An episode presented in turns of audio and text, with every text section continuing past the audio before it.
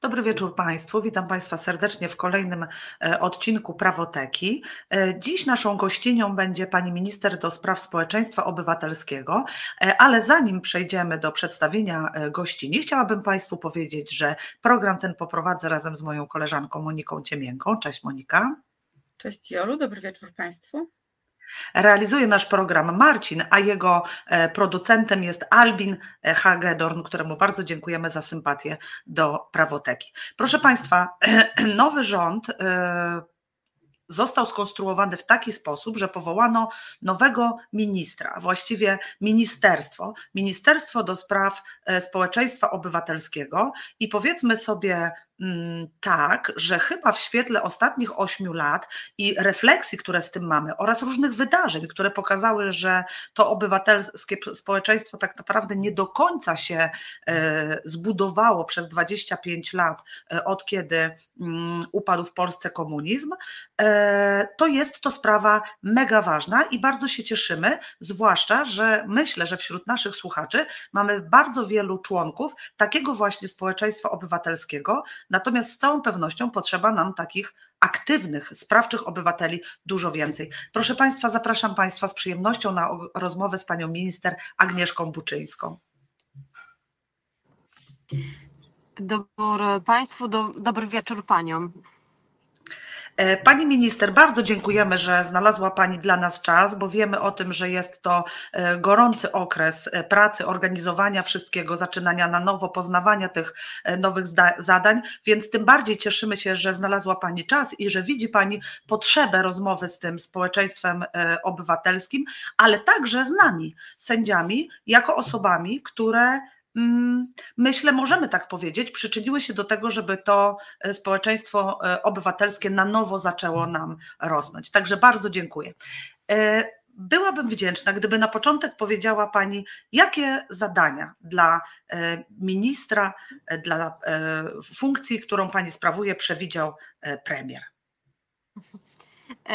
To na początku tylko przeproszę Państwa za, za ten widok, ale no jestem w trasie, musiałam się zatrzymać, stąd, stąd to ciemne tło, ale mam nadzieję, że mnie dobrze widać.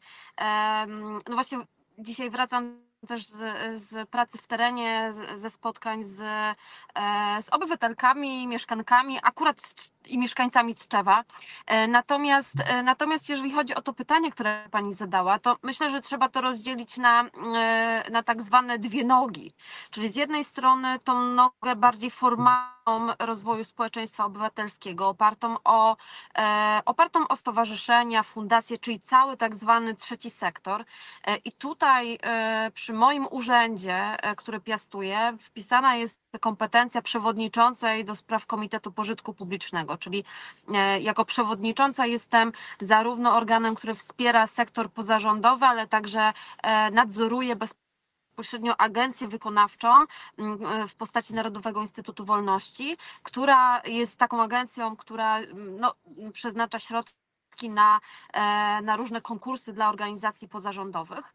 Natomiast z drugiej strony, i to jest to nowum, które, którego wcześniej nie było, czyli w ogóle nazwanie funkcji ministra do spraw społeczeństwa obywatelskiego. I tutaj trzeba powiedzieć, że, że jeżeli rozmawiamy o rozwoju społeczeństwa obywatelskiego, no to mamy też tą drugą e, taką odnogę nieformalną, czyli wszystko to, co także jest związane oprócz z tym sektorem, sferą taką działalności ruchów oddolnych, e, nieformalnych inicjatyw, w ogóle aktywności obywatelskiej umiejętności takiej społecznej e, do tego, żeby się samoorganizować, żeby bez impulsu władzy, mhm. samorządu, rządu e, podejmować różnorodne inicjatywy. No i w tych kompetencjach mamy oczywiście kwestie związane, które, e, kwestie, które dotyczą no, jakby w ogóle diagnozy tego obszaru, ale przede wszystkim moim zadaniem jest to, żeby ułatwiać, wzmacniać wszystkie procesy, które mają dążyć do no, do rozwoju społeczeństwa obywatelskiego,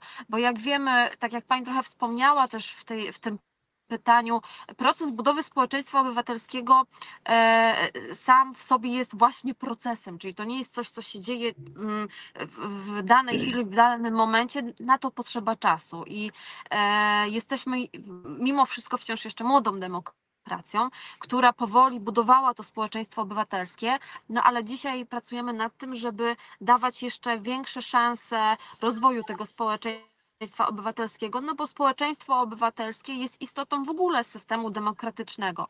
E, także e, no, myślę, że ten obszar organizacji pozarządowych i w ogóle obszar związany z rozwojem społeczeństwa obywatelskiego mm, to jest, e, to jest bardzo duże zadanie e, i bardzo się cieszę też, że, e, że ono zyskało, zyskało na takiej wadze, no, mając, mając własnego, własnego ministra w obecnym rządzie premiera Donalda Tuska.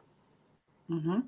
E, Pan Grzegorz Wiśniewski pyta, czy nie powinna pani sędzia Jolanta, mówiąc do pani gościni, używać formy ministra? Ja wytłumaczę się, e, ponieważ e, kiedy umawiałam nasze spotkanie, rozmawiałam z panią asystent i ona używała sformułowania pani minister. I ja za nią takiego sformułowania używam. Wydaje mi się, że w przypadku zbicia tych dwóch słów, zwłaszcza jeżeli tak nazywa panią minister jej asystentka, to jest to forma oczekiwana przez panią minister i dlatego ja jej używam, ale oczywiście mogłabym powiedzieć pani ministerka czy pani e, ministra e, również. A Ja, mm, ja bym chciała Janny, jeszcze przerwać. Tak. Chciałabym ci przerwać.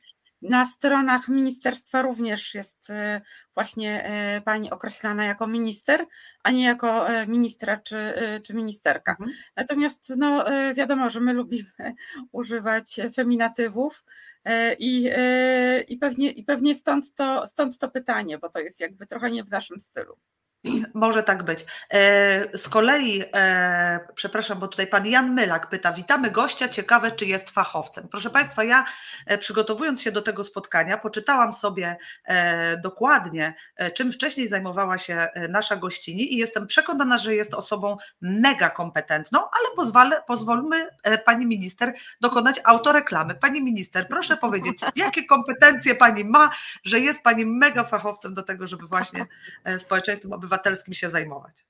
E, To, to tak bardzo pokrótce, bo tych doświadczeń faktycznie w swoim ży- życiu związanych ze społeczeństwem obywatelskim i trzecim sektorem mam bardzo dużo. E, No ja e, kilkanaście lat, no już pra- prawie, prawie chyba 20 za chwilę, będę, można powiedzieć, związana z organizacjami pozarządowymi tak bardzo bezpośrednio. Byłam przez wiele lat e, prezeską e, Centrum Wolontariatu w Gdańsku. To była i jest do teraz jedna z większych organizacji pozarządowych w mieście Gdańsku. Byłam członkinią e, ogólnopolskiej sieci Centrum Wolontariatu, członkinią Gdańskiej Rady Działalności Pożytku Publicznego, Gdańskiej Rady do, Gdańskiej Rady Organizacji Pozarządowych. E, Byłam także e, taką osobą, która pracowała, współpracowała bardzo mocno też z prezydentem Adamowiczem w kontekście rozwoju polityki senioralnej, e, czyli takich bardzo społecznych spraw, ale dotyczących osób w wieku senioralnym. E, Jestem współautorką aplikacji Miasta Gdańsk, w sumie autorką, pisałam tą, tą aplikację Miasta Gdańska o, o tytuł Europejskiej Stolicy Wolontariatu, także całe życie jestem związana z sektorem e, pozarządowym, zarówno jako ta osoba, która e, budowała, tworzyła organizację, ale także osoba, która zasiadała w różnych ciałach doradczych, które e, opracowały programy współpracy, strategie na rzecz rozwoju sektora pozarządowego. Mm, Także myślę, że też w, tym, w, tej, dziedzinie, w tej dziedzinie też e, przeprowadzałam e, badania społeczne, bo z wykształcenia jestem i socjologiem, i politologiem, więc analizowałam za, zarówno potencjał społeczny w tym zakresie, no już parę dobrych lat temu, bym powiedziała, prowadziłam badania, e, więc, e, więc no, można powiedzieć, że w ogóle sektor pozarządowy i w ogóle mm, temat związany ze społeczeństwem obywatelskim to jest coś, czym zajmuję się e, praktycznie całe moje życie zawodowe, Mm, więc mam nadzieję, że chociaż tak w krótkim opisie mm, no, przedstawiłam siebie jako osobę, która, która to doświadczenie w tym obszarze posiada. Mhm. Ja bym chciała jeszcze e, zacytować e, to, co panią e, tak charakteryzuje. Pani e, powiedziała kiedyś, całe swoje życie zajmowałam się budowaniem wolontariatu. To kluczowa część społeczeństwa obywatelskiego. To mnie nakręca, cieszy, daje energię do działania. E, I myślę, że to tak panią właśnie e, bardzo, bardzo charakteryzuje. No, to prawda, to znaczy to w ogóle e, widzę, że pani znalazła taki cytat, który faktycznie dużo o mnie mówi, bo e, bo można powiedzieć, że e, jeżeli, znaczy ja bynajmniej tak mam po sobie, że wolontariat to jest też coś, co, e, co, co jest moją pasją i w takim życiu codziennym, takim nawet teraz, kiedy pełnię funkcję ministra, to bez tego wolontariatu nie potrafię funkcjonować. I to też wiedzą moi współpracownicy, że, że cichaczem czasami wymy, wymykam się na jakieś nawet akcje społeczne, no po prostu to jest coś, co, co ten kontakt z ludźmi i ta możliwość takiego spraw, takiej sprawczości, którą czuć tak bardzo namacalnie niekiedy, e, no to jest coś, co, co, co daje mi też siłę, energię do pełnienia też e, tej funkcji, którą, którą mam na poziomie, na poziomie rządowym, ale faktycznie e, aktywność obywatelska to jest coś, co bardzo mocno czuję i nie wyobrażam sobie bez aktywności obywatelskiej takiego mojego w ogóle życia, tak mi się wydaje. Ale to e, przecież nie tylko współpracownicy wiedzą o, o Pani zamiłowaniu do wolontariatu. Wystarczy wejść na Pani Instagrama. E, no i pierwsze, co się pokazuje, to zdjęcia z puszką, prawda, e, z okazji no tak. WOŚP-u. Także, także wszyscy, możemy, wszyscy możemy Panią śledzić na tym Instagramie, ale na Facebooku również. No tak, no tak. Właśnie to jest trochę też tak, że, e, że też moją rolą, e, oprócz e, oczywiście tych rzeczy, które są na metapoziomie, o który, na rzecz których tą swoją pracę wykonuję, czyli pewnie dzisiaj w rozmowie też będziemy to poruszali, w ogóle co można zrobić dla sektora pozarządowego, jakie są wyzwania przed nim stojące, czyli o takich dużych rzeczach, to też tym swoim, swoim działaniem i też komunikowaniem o tej aktywności obywatelskiej, no chcę też ludzi zarażać tym, że, że to, to jest coś, co, e, co też jest rozwojowe, bo nawet chociażby w kontekście e, takiego wolontariatu, pamiętam jak jako ekspertka chociażby e, jeździłam do szkół czy do studentów, opowiadając w ogóle o wolontariacie, to zawsze mówiło się z perspektywy korzyści, czyli tego, że nam się wydaje, tak jak na pierwszy rzut oka myślimy o jakiejś aktywności obywatelskiej, że to jest poświęcanie naszego czasu na rzecz innych, czyli to jest koszt, który my ponosimy na rzecz, e, na rzecz tych, którym pomagamy, a w moim przekonaniu jest e, zupełnie odwrotnie i wiele osób, które jest wolontariuszkami, wolontariuszami podziela to zdanie, czyli że my z tej aktywności dużo więcej sami zyskujemy, chociażby już nie mówię o takich rzeczach jak satysfakcja i, i rzeczy, których się nie da kupić, ale mm, ale też chociażby w przypadku osób młodych doświadczenie, umiejętność sprawdzenia pewnych kwestii w praktyce, e, przetestowania czegoś, więc, e, mm, więc też ta aktywność obywatelska to jest coś, co jest bardzo rozwojowe, no i też buduje, buduje bardzo mocno taki kapitał społeczny. Myślę, że my z Moniką e, możemy absolutnie podzielić tą refleksję, bo e, taką e, wolontariacką działalność edukacyjną zwłaszcza prowadzimy od ładnych paru lat i rzeczywiście to jest coś magicznego, że no musisz poświęcić czas, musisz się przygotować, musisz zdobyć pewne narzędzia. Dla sędziów początkowo nie było to takie oczywiste, bo my używamy innych narzędzi na co dzień, ale żeby zadzierżgnąć ten kontakt, musieliśmy wejść do mediów społecznościowych. Ja 8 lat temu nie miałam pojęcia nawet co to jest Facebook. Przepraszam, przyznaję się do tego, ale ja nie wiedziałam do końca, e, co to jest. Natomiast teraz jestem e, e, aktywnym uczestnikiem tych mediów socialowych, właśnie dlatego, że uważam, że one pozwalają tą edukacyjną rolę odgrywać. Mm, I mega to jest budujące dla ciebie samego.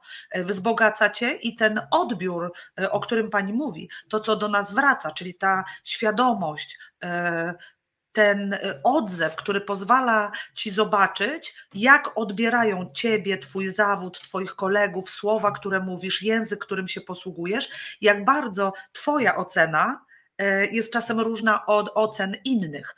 I że jeżeli chce się robić to dobrze, to trzeba gdzieś się spotkać, ale też wykazała ta nasza praca, myślę, że Monika z całą pewnością to potwierdzi, jak wiele jest do zrobienia na polu edukacji tej prawnej, społecznej, obywatelskiej e, i jak bardzo brakuje tego, tak naprawdę, nie wiem, od przedszkola chyba. Takie mam e, wrażenie. To kogo teraz, komu teraz zadałaś pytanie, Jolu?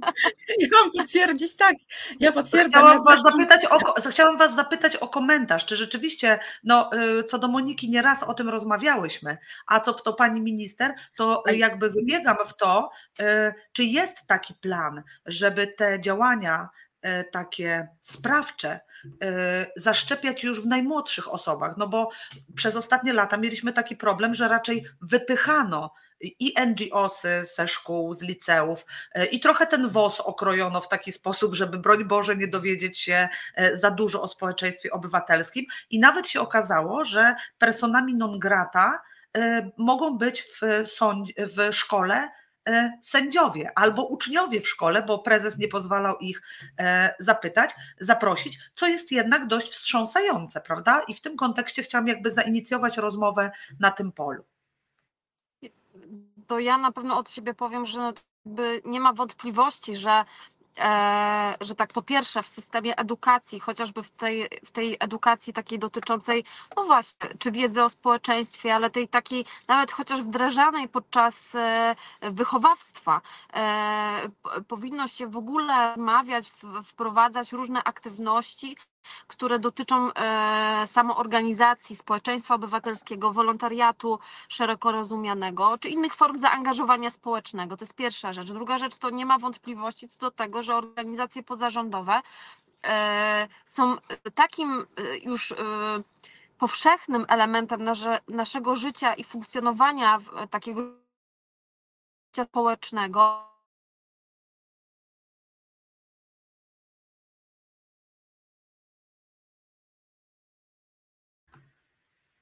chyba nam pani minister się zacięła, to może ja e, przeczytam e, komentarz, który nam tu się w międzyczasie wyświetlił, a mianowicie pan Tomasz Mariusz napisał: 8 lat temu nie wiedziałem, co to Facebook, do listopada 2015 roku. Hmm, Facebook jako kreator społeczeństwa obywatelskiego.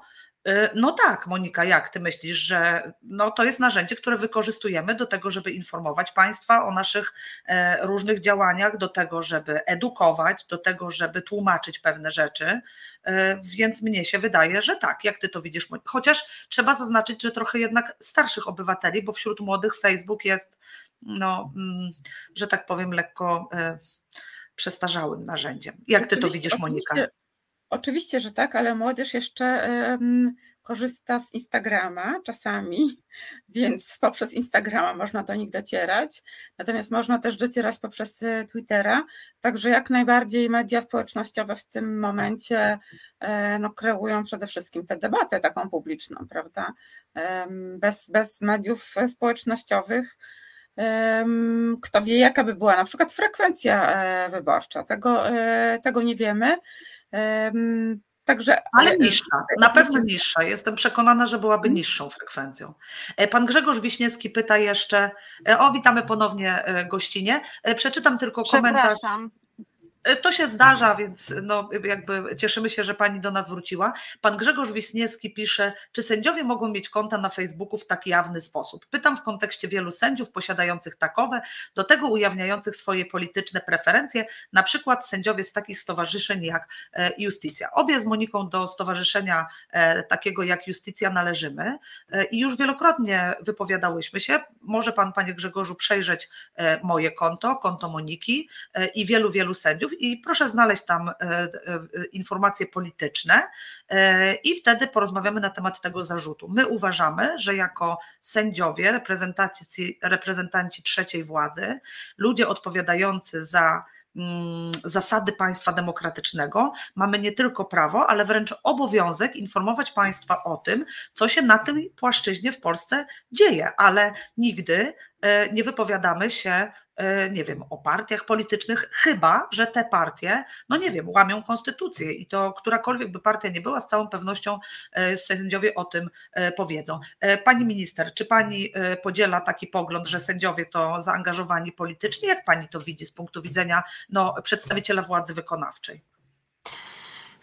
No, Prawda jest taka, że no mamy, e, mamy władzę ustawodawczą, wykonawczą i sądowniczą, no i każda we własnym zakresie no musi re, realizować swoje, e, swoje obszary e, aktywności, więc, mm, więc tutaj myślę, że, że to, to, co, to, co Pani wspomniała przed chwilą, no to jakby jest zgodne, jest zgodne z obszarem, obszarem władzy, którą wy, wykonujecie, którą, którą na sobie nosicie, bo e, absolutnie też uważam, że, e, no, że obowiązkiem jest, jeżeli władza sądownicza widzi, że prawo jest łamane, no jakby wno, podnosić, podnosić e, w tym zakresie e, alarm, głos i, e, no i walczyć o, o, o, o praworządność. Jakby to, to, to jest dla mnie e, jasne.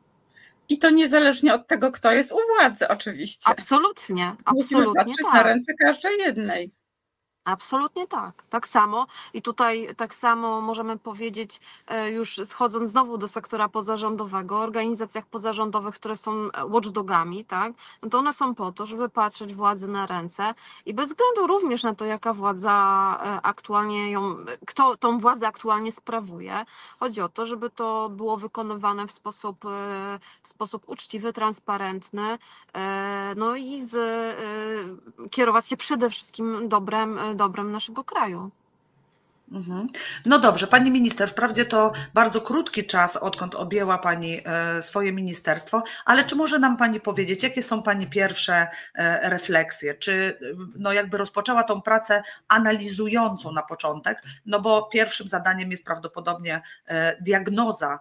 E, Zresztą tak to wynika z kompetencji nadanych pa, przez pań, e, pani przez e, premiera kondycji tego naszego obywatelskiego społeczeństwa. Jak pani to widzi? Yy, Tak, oczywiście, no jakby jedna rzecz to jest kwestia analizy, druga rzecz to jest jakby to jest kwestia też po- podejmowania e, pierwszych działań. E, To co, mm, to, co zadzieje się już w tym tygodniu, e, to jest, to też mogę Państwu zapowiedzieć, rozpoczynamy rekrutację do trzech zespołów, których potrzeba mm, została zgłoszona poprzez, poprzez no, można powiedzieć, federację różnych organizacji pozarządowych e, i to też e, bardzo szeroko o tym sektor pozarządowy mówi, czyli to jest pierwsza kwestia związana z powołaniem zespołu do spraw mm, no, mm, uproszczeń, e, uproszczeń mm, prawa dla organizacji pozarządowych w różnych zakresach. Ja za chwilę też będę mogła do tego oczywiście nawiązać. E, Drugi zespół to zespół, który ma pochylić się nad rozwiązaniami rozwiązaniami dotyczącymi e, dialogu obywatelskiego e, i partycypacji, mm, czyli w ogóle takich, e, no, tego jak, jak e, te ciała doradcze, które, e, które funkcjonują przy mnie jako e, przy ministrze, e, jak one mają tą swoją rolę pełnić, żeby miały, były jeszcze bardziej słyszane, e, żeby, żeby ich głos miał jeszcze większe znaczenie. E, I trzeci zespół, który będzie takim zespołem, który już nie będzie zajmował się kwestiami e, organizacji pozarządowej, ale szeroko rozumianego takiego aktywizmu e, i wolontariatu, czyli takiej aktywności oddolnej. mm, No, to tak się zawsze. Ciężko nam e, czasami po polsku znaleźć to słowo grassroots, czyli takiego, od, który wyrasta od dołu e, e, tej formy aktywności obywatelskiej.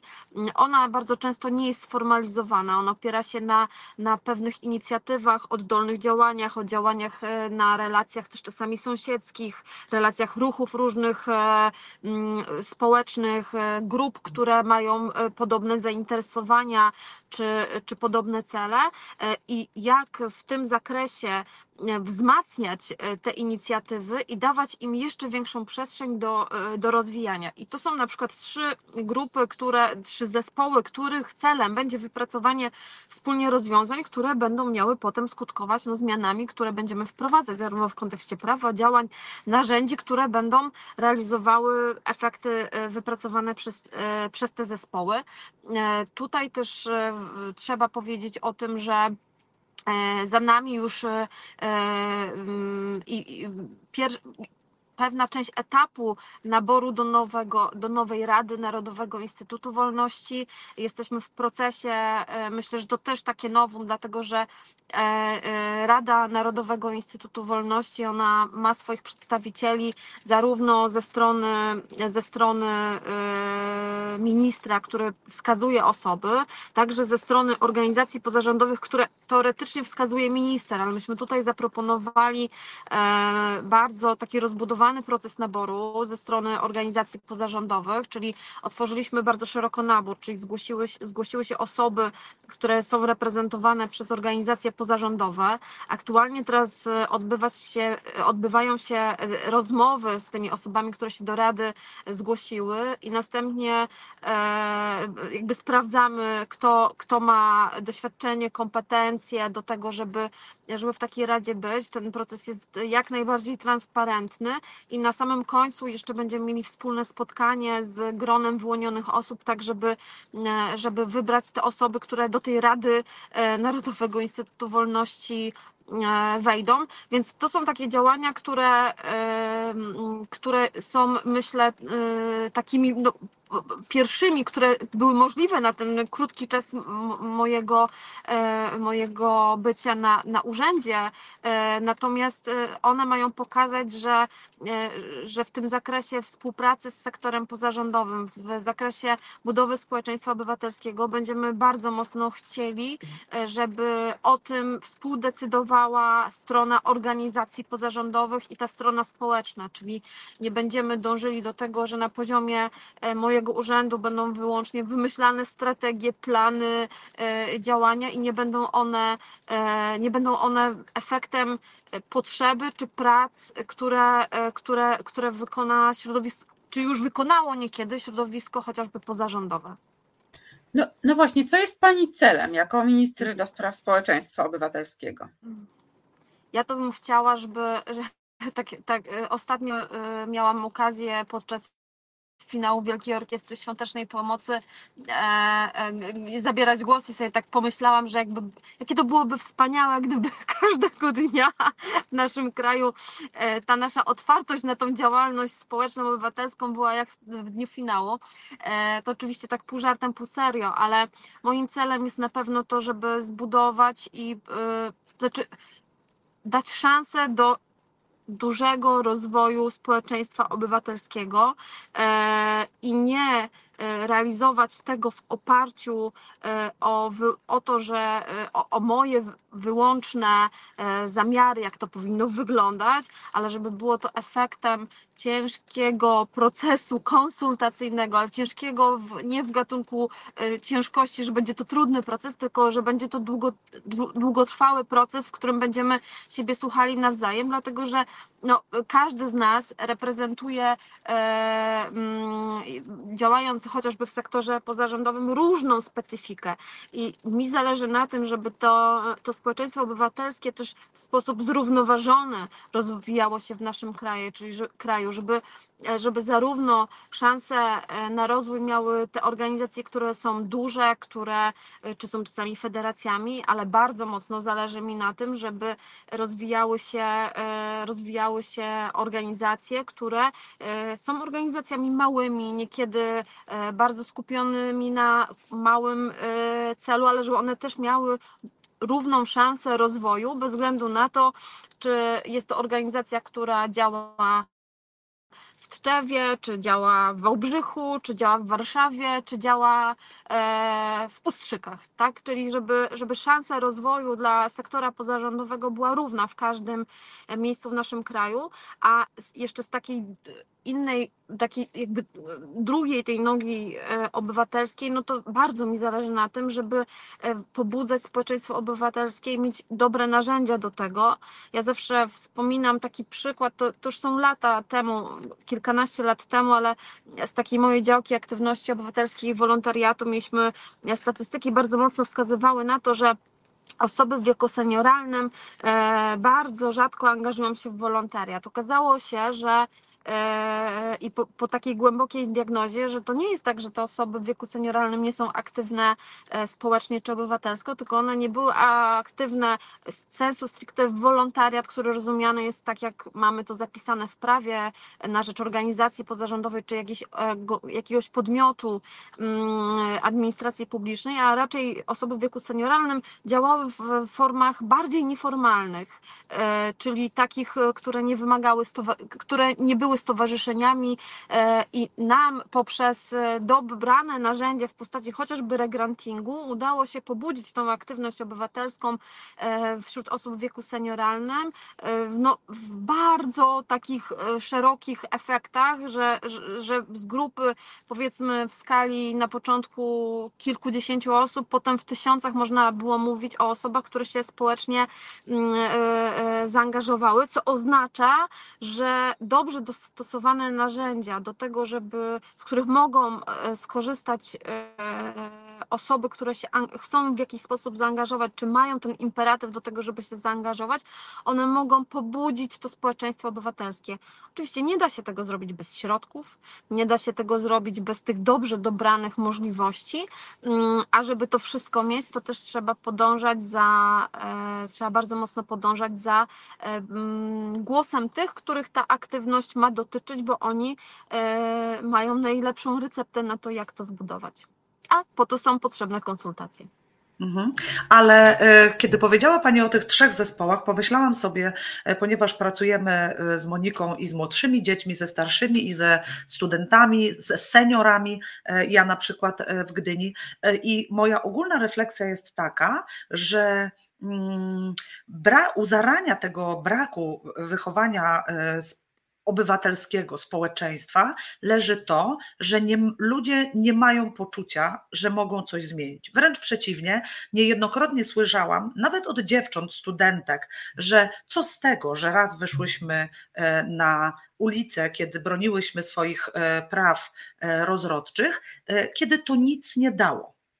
E, I ja im e, wtedy tłumaczyłam, e, nieprawda, że to nic nie dało, bo spójrzcie, jeszcze pięć lat temu nikt nie mówił o tym, żeby zmieniać przepisy te, które ustanowiły, ustabilizowały mm, kompromis aborcyjny, a teraz już są projekty i to wysłuchiwane projekty o tym, żeby zupełnie zmienić prawo. Czym innym jest to, czy to się uda dziś, jutro, pojutrze, ale w ogóle zaczęła się na ten temat rozmowa.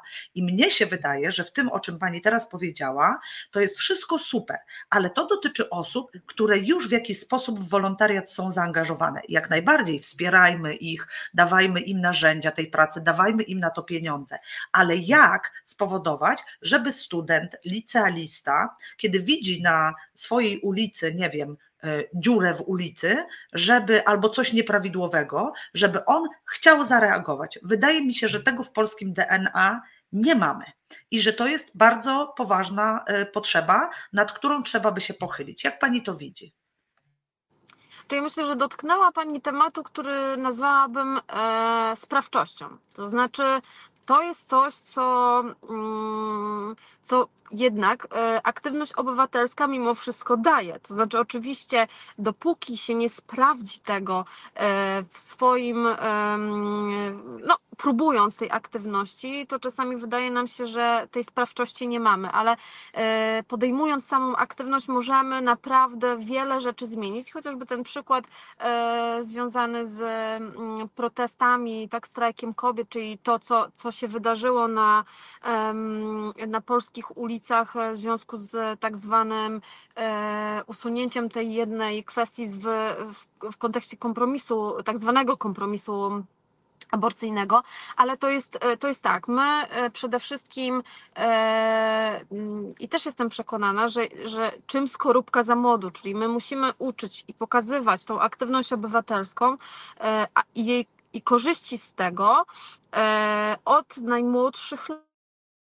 To znaczy, to już musi pojawiać się i być wdrażane zarówno w procesie edukacji, ale także w wymiarze praktycznym już od szkoły, bo nie zawsze jesteśmy w stanie y, zrealizować to w naszym takim otoczeniu rodzinnym. Znaczy, od tego, od trochę zarażania ideą aktywności, od tego powinna być szkoła. I, i to powinno znaleźć się zarówno, tak jak wcześniej trochę wspominałam, w, w przedmiotach związanych z, ze społeczeństwem, społeczeństwem obywatelskim, czy wiedzy o społeczeństwie, ale także wcześniej e, spokojnie to może odnajdywać się w, e, nawet w tych w czas, e, klasach wczesnoszkolnych i to się zadziewa. Jest duża zmiana w tym zakresie dotycząca chociażby akcji społecznych, które są realizowane w szkołach, czyli chociażby kiermasze, które są pewnie niekiedy, niekiedy tu się uśmiecham do wszystkich rodziców, którzy wieczorami pieką ciasta, no ale tu właśnie o to chodzi chodzi, że potem te dzieci w tej szkole piekąc te ciasta widzą na samym końcu karmę, która za te pieniądze są, jest, jest kupowana i przekazywana do schroniska dla zwierząt. To są takie małe e, elementy, ale one w praktyce edukacyjnie dają dużo, pokazują wartość tego pomagania i też wartość z tego, że jesteśmy sprawczy, no bo e, finalnie te upieczone babeczki wieczorem yy, przekładają się na kilogramy karmy, która trafia do schroniska i myślę, że im więcej tego jest w procesie edukacji, edukacji, im więcej jest y, tego w takim codziennym życiu szkolnym, e, tym, tym bardziej się do tego przyzwyczajamy. Poza tym e, znowu idziemy w stronę jakby takiej analizy, że że, że budowa społeczeństwa obywatelskiego, tej odpowiedzialności, to są lata. To znaczy, tego się niestety, mówię niestety, bo, też, bo wolałabym, gdyby, gdyby to był prostszy proces, ale nie jest. To znaczy, my się, my się tego uczymy. Ja pamiętam kilkanaście lat temu, jak musiałam ludziom tłumaczyć, że wolontariat to nie jest tylko pomoc, yy, tylko i wyłącznie pomoc osobom potrzebującym, chorym yy, yy, i, i do dzieciom, które, które są gdzieś tam w pieczy zastępczej, bo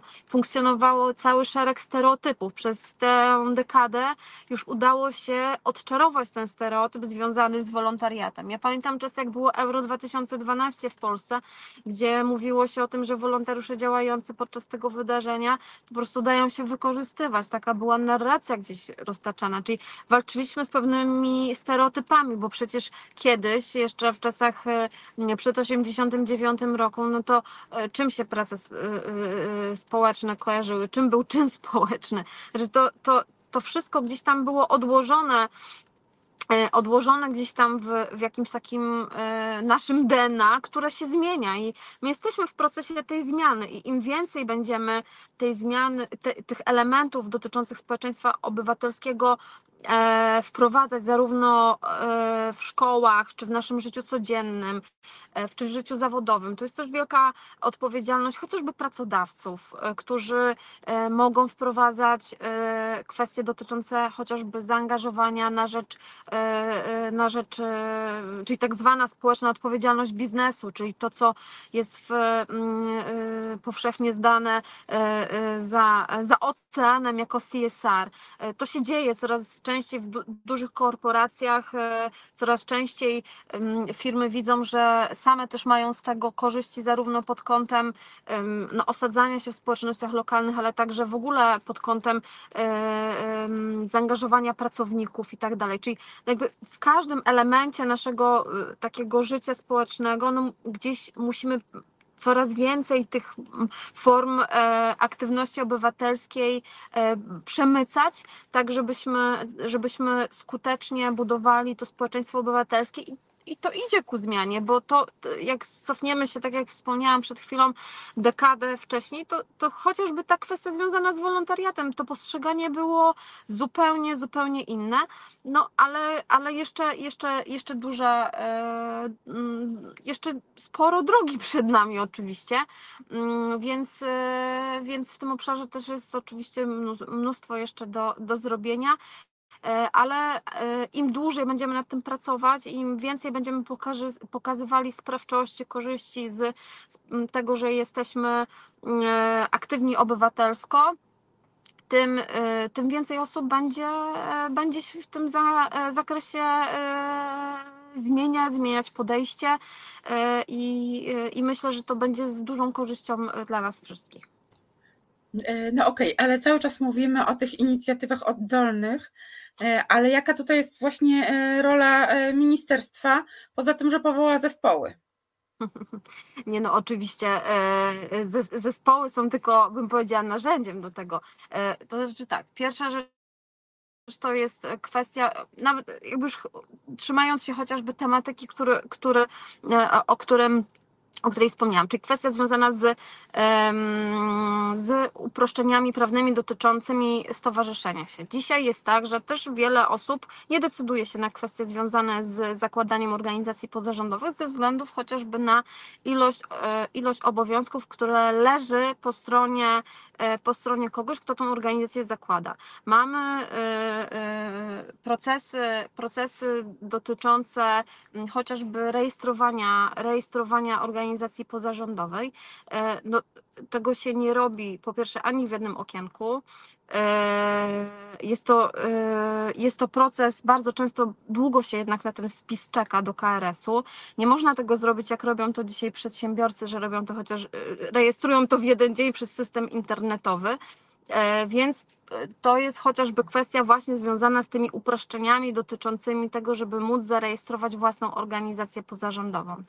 To są e, kwestie związane z e, no, zbudowaniem strategii i jej wdrażania dotyczącej rozwoju społeczeństwa obywatelskiego, dlatego że e, no, pod to muszą być potem dedykowane środki tak, żeby te zadania, które mają realizować organizacje pozarządowe, no one były w zgodzie z, ze strategią, która ma do, nas doprowadzić do tego, żeby, żeby to społeczeństwo obywatelskie się w naszym kraju rozwijało. To jest kwestia dotycząca e, chociażby nowelizacji. W tym roku obchodzimy dwudziestolecie ustawy o działalności pożytku publicznego i jest też tak, że wiele, z, wiele zapisów chociażby tej ustawy e, jest dzisiaj nieadekwatnych do realiów. Ja znowu się odwołam do wolontariatu, który w artykule trzecim e, tej ustawy no, nie był nowelizowany przez 20 lat, a jeżeli mówimy o rozwoju wolontariatu w ostatnich dekadach, no to zdecydowanie ta forma i zasada, czym jest ten wolontariat, no, uległy zdecydowanej zmianie. Czyli mówimy o,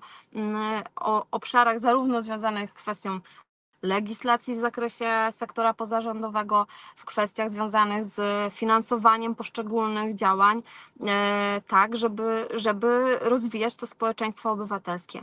To jest swoją rolę też widzę w tym, że jestem też osobą, która, no, dla organiza- która współpracuje ze społeczeństwem obywatelskim, więc też będzie e, bardzo mocno e, pracowała nad tym, żeby e, zasady dialogu, zasady konsultacji społecznych, tego, co ma być wypracowywane, no, było, było realizowane w oparciu no, o rzetelne procesy, chociażby właśnie konsultacji, diagnozy, analizy mm, i żeby to, co tworzymy, czy to, co proponujemy, to, co chcemy wdrażać, no jakby było odpowiedzią na realne potrzeby, a będziemy o tym wiedzieli, gdy będziemy stosować chociażby no, bardzo dobre i y, metodologicznie przeprowadzone, y, poważnie potraktowane konsultacje społeczne chociażby. Mhm. Powiedziała Pani o tym, że y, są te e, kiermasze. E, Wprawdzie moje dzieci już zakończyły szczęśliwie Bogu dzięki edukację, ale tak e, jakbym miała się rozejrzeć wokół moich znajomych, to myślę, że ich diagnoza co do tych pieczenia tych babeczek byłaby trochę inna. I mi się wydaje, przepraszam, ale że jeżeli by te nasze dzieci miały być zarażone tym wirusem wolontaryzmu, to one same powinny coś robić i potem to sprzedać i uzbierać na tę karmę, a nie biedny rodzic, który po pracy dojechał do domu, nakarmił wszystkich, oprał, jeszcze musi po nocy prać e, piec babeczki. Bo właśnie do tego zmierzam, że mi się wydaje, że młodzi ludzie e, i coraz bardziej e, jakby są wyręczani przez swoich rodziców, przez nauczycieli e, i kiedy mam z nimi kontakt, e, to po dłuższym, e, po dłuższym jakby kontakcie przekonuję się, że to nie jest kwestia ich obojętności, tylko tego, że po pierwsze nikt z, z nich tak szczególnie tego z rodziców nie wymaga, czy z osób dorosłych, z którymi się spotkają, a po drugie, i to jeszcze raz podkreślę, oni nie mają poczucia, że ich ręka, ich głos, ich działanie, to pojedyncze, coś zmieni. Oni nie mają przekonania, że to się namnoży, że jeżeli weźmie on kogoś za rękę i z nim wspólnie coś zrobi, a następnie tamten drugi weźmie kogoś za rękę, to w ciągu 5-7 minut mogą mieć 300% sukcesu. I tu ja widzę em, takie pole do du- dużego działania. E, I powiążę to jeszcze e, z sędziami, bo wydaje mi się, że sędziowie w tej próbie e, pod, podjętej już próbie budowania społeczeństwa obywatelskiego naprawdę wykonali mega robotę. I oni pracują jako wolontariusze, no bo przecież żaden sędzia za swoje spotkania z młodzieżą, za swoje warsztaty pieniędzy nie bierze. Ale e, nie mieści się w pojęciu wolontariatu, o którym e, pani mówi, e, i nie mieści się w pojęciu NGO-sa. E, My obie z Moniką działałyśmy, Monika już zrezygnowała, ale ja nadal jestem członkiem Fundacji Edukacji Prawnej Justicja i my moglibyśmy zrobić bardzo dużo rzeczy, ale borykamy się na przykład z prozaicznym niemożnością ufundowania najprostszych nagród, dlatego że nie mamy na to po prostu pieniędzy, więc tyle, co możemy poświęcić, czyli nas, nasz czas, nasze zaangażowanie i wsparcie od fundatorów, bo oni oczywiście jakieś wsparcie nam dają, ale też nie za wielkie, e, no nie możemy zrobić tego wszystkiego, co moglibyśmy zrobić. I czy pani widzi na to jakąś, jakąś radę? I czy pani w ogóle rozważała e, wciągnięcie w tą pracę e, wolontaryjną no takich nie organizacji, ale takich elektronów jak sędziowie? E, To tak, najpierw jeszcze od- odniosę się do tych ciasteczek. Oczywiście, żebyście mnie Państwo zrozumieli, to nie chodzi o dzieci, które y, potrafią już same piec, tylko o takie jeden, trzy, które jednak wymagają tego, żeby, żeby to wsparcie w tym pieczeniu mieć. Natomiast już mm, merytorycznie wracając do, e, do pytania. Znaczy tak, jeżeli z punktu widzenia prawnego, jeżeli osoba działa w fundacji i na jej rzecz, czy za jej e, pomocą no, realizuje aktywność, no, e, e, która jakby łapie się w definicji wolontariatu, czy jest bezpłatna i to jest chociażby warsztat, to jest wolontariuszem z punktu widzenia prawnego, więc sędziowie, jeżeli realizują te swoje działania edukacyjne poprzez fundację, to z punktu widzenia prawnego no, wolontariuszkami, wolontariuszami są. Jeżeli robią to po prostu jako, e, e, cytując panią, wolne elektrony, czyli osoby, które nie realizują tego przez, przez e, żadną organizację pozarządową i nie robią tego na rzecz jakiejś konkretnej organizacji pozarządowej, tylko po prostu gdzieś to organizują i, i edukują, no to oczywiście z punktu widzenia znowu formalnego można powiedzieć, że to się nie mieści w, w, ustawowo w definicję wolontariatu, ale to też wymaga właśnie zmiany, czyli jakby e, kwestii ustrukturyzowania tego, co można, a co nie, co, co powinno się, co nie powinno się definiować pod kątem, e, e, pod kątem bycia lub nie bycia wolontariuszem, no bo tak jak mówię, 20 lat trwania ustawy, brak zmiany, zmiany zakresu, zakresu tej, mm, tej definicji. Natomiast to są, e, znaczy, oczywiście ta semantyka i nazewnictwo jest tu bardzo ważne, ale, mm, ale to, co, to, co, to, o czym Pani też powiedziała, e, czyli em, jak, e, jak w ogóle wspierać e, aktywność organizacji, skoro nawet nie mają e, środków na e, zakup nagród, tak, gdzie się to pojawiło w, te, w tej kwestii. No to no, to jest coś, co, e, e, co e, organizacje mm, mm, mają, znaczy tak, organizacje mają możliwość realizacji, można powiedzieć, trzech form aktywności. Mogą realizować, muszą realizować działalność nieodpłatną statutową, działalność, e, mogą realizować działalność odpłatną statutową i mogą realizować działalność gospodarczą. W ramach e, działalności nieodpłatnej statutowej e, organizacje bardzo często sięgają sięgają po różnego rodzaju granty dofinansowania, e, które e, są, e, które są realizowane zarówno z, po, z takiego punktu widzenia centralnego, rządowego, czyli no w moim przypadku e, agencją, która jest e, tą agencją, która mm, dysponuje środkami, które są dedykowane dla organizacji pozarządowych, to jest Narodowy Instytut Wolności, ale oczywiście też każde ministerstwo, czy część z tych ministerstw ma swoje programy, także grantowe mm, dla organizacji pozarządowych. To jest coś, co, nad czym będziemy jako Komitet do Spraw Pożytku Publicznego pracować, żeby to też uwspólnić, czyli potencjalny grantobiorca, czyli organizacja, która chce e, pozyskać środki na poziomie centralnym, żeby miała to w pewien sposób ujednolicone e, w zakresie no, chociażby systemu do obsługi tych wniosków, e, formularza wniosków i tak. Natomiast na poziomie oczywiście samorządowym też są inne formy pozyskania środków w postaci grantów, zarówno też i środki unijne, środki, którymi dysponują samorządy na zasadzie swoich programów współpracy z organizacjami pozarządowymi i te programy posiadają zarówno urzędy, czy jakby y, województwa, tak, ale także na poziomie gmin e, są, e, są programy współpracy. Natomiast oczywiście e, organizacje pozarządowe mogą korzystać, korzystać z różnego rodzaju darowizn, z czym wiemy, że nie jest to proste pozyskiwanie po- poszczególnych darczyńców na poszczególne działania, Mm, no ale też mają inne formy, formy mm, utrzymywania organizacji, które mogą opierać się na właśnie tej odpłatnej działalności statutowej czy działalności gospodarczej. Natomiast z mojej, z mojego punktu widzenia to jest zarówno ułatwianie e, z jednej strony e, dawanie szans do, do rozwoju organizacjom pozarządowych, zarówno w kontekście tych odpłatnych form e, aktywności, no ale też, ale też, też rozdzielenie finansowania, chociażby na poziomie grantów, e, tych środków, które są e, środkami, które są tak zwanymi środkami, które są zadaniami, e, które i tak muszą na przykład wykonywać, musiałyby zostać wykonane na poziomie chociażby gminy, a tymi, które są ekstra dedykowane dla organizacji pozarządowych. Ja to spróbuję spróbuję Państwu wytłumaczyć, bo może nie, nie, nie wszyscy Państwo wiecie, są zadania takie, które gmina musi, e, musi wykonywać i one bez względu na to, czy zleciłaby je organizacji pozarządowej, czy by sama je prowadziła, no to ponosiłaby koszt ich z realizacją.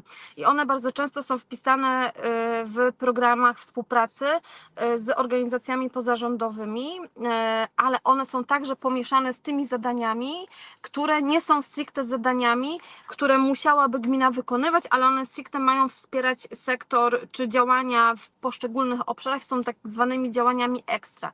No i to, co obserwujemy od lat, to jest to, że jednak przeważająca pula środków idzie na te zadania, e, zadania, które i tak gmina musiałaby wykonywać w porównaniu do tych, które są tymi dodatkowymi środkami. Warto też powiedzieć o tym, że e, że organizacje mogą e, dzisiaj wnioskować o status organizacji pożytku publicznego. E, I to jest e, dzisiaj 1,5%, czyli te 1,5%, które organizacje e, mogą, e, organizacje mogą otrzymywać od osób w ramach odpisu od, od podatku, czyli my sobie ten 1,5% przeznaczamy na, na poszczególną organizację, ale ta organizacja, żeby w ogóle mogła pobierać e, 1,5%, to musi być organizacja, która ma status OPP, czyli nie tylko działa na rzecz pożytku publicznego, ale też ma status organizacji pożytku publicznego.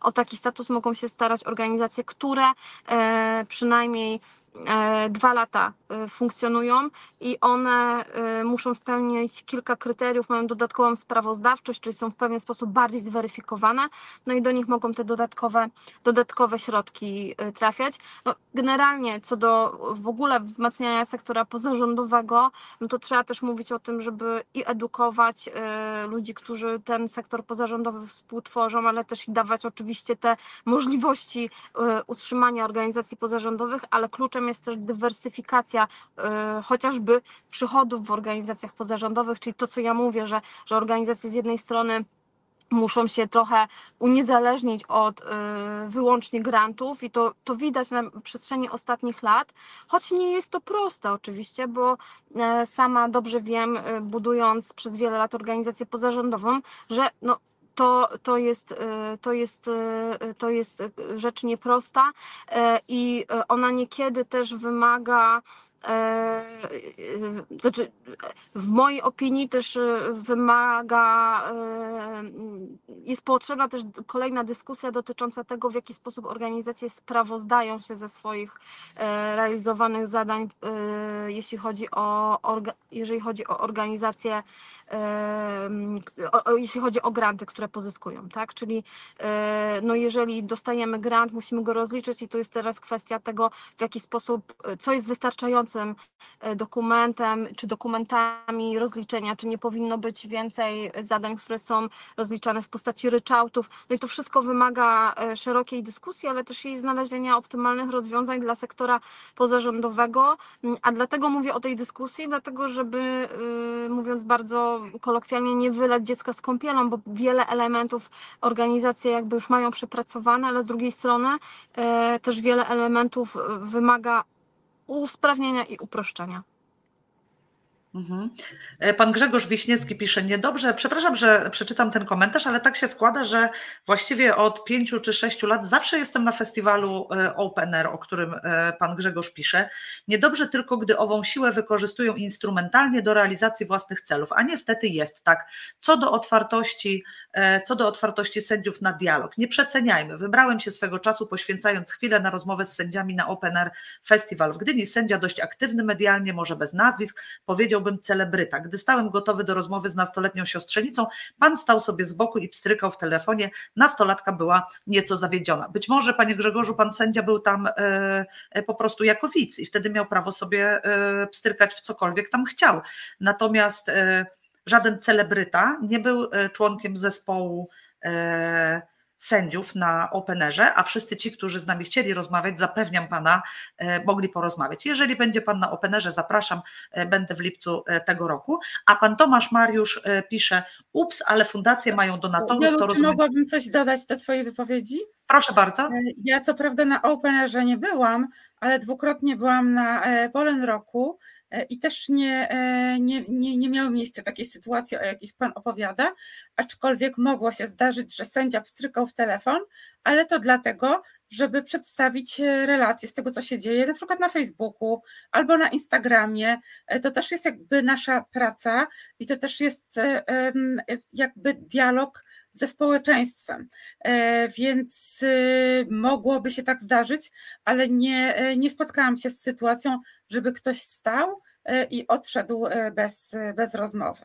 Mhm. A trzeba podkreślić, że zwykle jest to cały zespół sędziów, więc jeśli jeden byłby zajęty obsługą social mediów, to na pewno obok stał drugi, trzeci, a nawet piąty, bo te zespoły są kilkuosobowe. I pan Tomasz Mariusz pisze, ups, ale fundacje mają donatorów, nie ma tu niebezpieczeństwa, że to za blisko donator sędzia. Akurat o Fundacji Edukacji Prawnej Justicja, o której mówimy, tutaj nie donatorami, ale fundatorami jest Stowarzyszenie Sędziów Polskich Justicja, a drugim wydawnictwo Wolters Kluwers. Oczywiście no, nie możemy wykluczyć, że gdzieś tam dojdzie dojdzie do jakiegoś styku, nie wiem, że ktoś z Woltersa popełni, nie wiem, przestępstwo i trafi do sądu karnego, no ale to jest naturalna sytuacja w tym sensie, że przecież sędziowie mają sąsiadów, znajomych, znają rodziców swoich kolegów, swoich dzieci, więc no nie ma takiej sytuacji, że sędzia jest osadzony w pustce, natomiast temu służy instytucja wyłączenia sędziego i sędziowie w takich sytuacjach z nich korzystają. Wracając jeszcze do tych fundacji pożytku publicznego, i NGO-sów. O tyle trudna jest sytuacja finansowa tych wszystkich działań sędziowskich, że sędzia nie może dodatkowo zarabiać. W związku z tym, no jakby Fundacja Edukacji Prawnej też nie prowadzi żadnej działalności zarobkowej, bo tylko mamy tą działalność jakby służalczą i nieodpłatną. Ale dobrze, no zachęcam Państwa do zadawania pytań, bo audycja niechybnie kuli, knie ku końcowi. Pani minister, proszę powiedzieć. No, a jeszcze, jeszcze, tak? jeszcze zanim, zanim zadasz kolejne pytanie, to jeszcze chciałam odpowiedzieć panu Grzegorzowi Wiśniewskiemu, że tematy mamy rozmaite i poruszaliśmy tutaj niejednokrotnie takie tematy jak orzecz sprawność postępowania, to jakie mamy po, po, pomysły na sądownictwo. Przecież to sędziowie z justicji przygotowali wraz z, z innymi stowarzyszeniami i NGO-sami pakiet ustaw, który ma właśnie to, to na celu. Także każda prawoteka dotyczy czegoś innego. Dzisiaj rozmawiamy o społeczeństwie obywatelskim, więc skupmy się na tym temacie. Ale przecież pan Grzegorz może odsłuchać, mamy, nie wiem, ze 150 odcinków, może pan je obejrzeć na YouTubie, Spotify, gdzie tam pan sobie życzy w drodze do pracy czy z pracy. Bardzo serdecznie pana zachęcamy. Dobrze, pani minister, na zakończenie, czy napotkała już pani jakieś przeszkody? W tym sensie, no, że wiadomo, że to nie będzie wszystko łatwe, ale czy coś panią zadziwiło, czego pani się nie spodziewała? Hmm.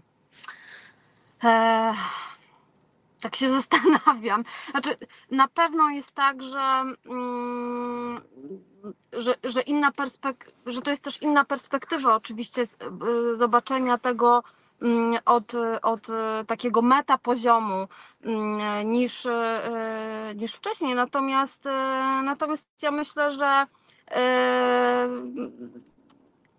że, że niezwykłe jest to, że, y, że nam się mimo wszystko udaje, nawet chociaż y, jestem na tym urzędzie dość krótko, y, już zrealizować dużo, dużo spotkań, które wnoszą taką dużą otwartość sektora do, do współpracy, do zmiany, do chęci zmiany. E, I oczywiście e, trzeba powiedzieć jasno, bo to, to, to, to nie jest też tak, że praca ministra polega tylko na tym, że e, napotykamy same dobre rzeczy. I no, tutaj trzeba też powiedzieć, że też jest dużo obszarów czy kwestii w moim obszarze, obszarze które też wymagają no, rzetelnego audytu, przejrzenia tego, jak w sektorze pozarządowym chociażby były dedykowane środki w, przez ostatnie lata. E, I, I to jest też rzecz, którą się teraz zajmuję, więc e, ta moja praca dzisiaj to nie tylko praca e, dotycząca tego, co, co do przodu, ale także tego, żeby, żeby zobaczyć, co nie zadziałało i co źle działało przez ostatnie lata i żeby dążyć do naprawy tego, tak żeby żeby e, niestety, ale chyba trzeba o tym też jasno powiedzieć, przez e, ostatnie lata w sektorze pozarządowym e, też bardzo mocno mówiło się o tym, że, e, że gdzieś e, chociażby program słynny Villa Plus to były programy, które e, nie wspierały organizacji pozarządowych, a programy, które no, miały na celu e, realizację pewnych e, politycznych e, e, działań, wspierania e, e, podmiotów, które, które nie powinny otrzymywać środków publicznych. No i e, e, to też bardzo mocno działało negatywnie na rzecz e, percepcji sektora pozarządowego, dlatego że no, uważano, że, że, że można było generalizować, że organizacje pozarządowe w nierzetelny sposób korzystają ze środków, ze środków publicznych, a prawda jest taka, że, że, że takie sytuacje jak Villa Plus nigdy nie powinny mieć miejsca. E, To po pierwsze, że realizowały to e, nie wszystkie organizacje, tylko zdarzało się to e, poprzez wśród konkretnych organizacji pozarządowych, niestety, gdzie wskazywano, wskazywano powiązania z, mm, z ówcześnie rządzącymi.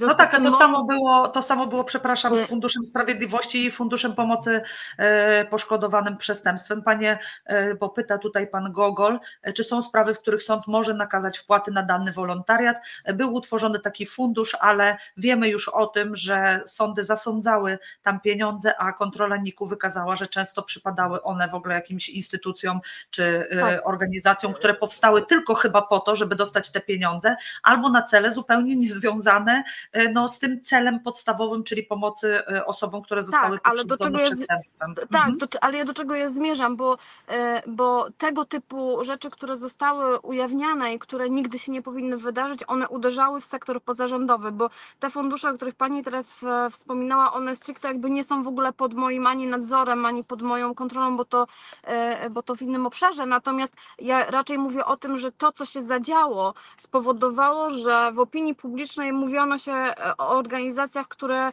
które e, no, w sposób e, znaczy to działanie powodowało, że, że, że to ten negatywny odbiór rozlewał się na inne organizacje pozarządowe i tego nigdy nie powinno mieć miejsca, dlatego że e, pra, prawie wszystkie, du, duża większość organizacji pozarządowych, czyli e, rzesza organizacji pozarządowych, to są organizacje, które działają społecznie na rzecz po- pożytku publicznego, a tylko wybrane były takie, które no, nie powinny Mhm. dostawać środków i, i, i naszym celem też jest to, żeby, żeby jasno o tym i głośno mówić, e, bo niestety, ale to działanie uderzało bardzo mocno w cały sektor organizacji pozarządowych i w ogóle percepcję sektora pozarządowego, więc e, nigdy środki, które mają trafiać do organizacji poza- pozarządowych nie powinny iść z żadnego politycznego klucza, tylko Mhm. powinny trafiać tam, gdzie są najlepiej skrojone działania, gdzie są konkretne potrzeby i w ogóle środki dla organizacji pozarządowych nie powinny mieć nic wspólnego e, z żadną opcją polityczną, bo one służą realizacji celów pożytku publicznego i to jest coś, co będzie mi przez całą moją, e, e, cały mój, mój czas, kiedy będę sprawować ten urząd, przyświecać, żeby mm, pokazywać, że środki, które trafia- trafiają do organizacji pozarządowych, to trafiają tam, gdzie te zadania są realizowane i one w żaden sposób nie będą nigdy dystrybuowane według żadnego klucza politycznego. Mhm. No, mamy nadzieję, że to, że to wszystko uda się y, uporządkować, no i że w przyszłości prawo nie będzie wykorzystywane no niewłaściwie, w taki właśnie sposób, że te środki były w jakiś sposób e, e, marnowane. Bardzo serdecznie e, Pani dziękujemy. Życzymy powodzenia. Myślę, że jeżeli będzie Pani taka uprzejma, to z, przyjemnością spotkamy się za jakiś czas, żeby obgadać, co się udało zrobić, albo jakie są, tak, jakie są nowe, nowe plany Tak. pani minister. A Państwu myślę również taka wiedza na pewno się przyda i myślę, że Państwo z przyjemnością e, wysłuchacie. Bardzo serdecznie dziękuję jeszcze raz. Dziękujemy bardzo. Dziękuję również. Dziękuję Dziękujemy bardzo Państwu. Państwu. Bardzo zapraszamy e, za tydzień w Do poniedziałek. zobaczenia o za tydzień. 21. Do zobaczenia. Dziękujemy Pani Minister. Do. Dziękujemy. Dziękuję, do widzenia.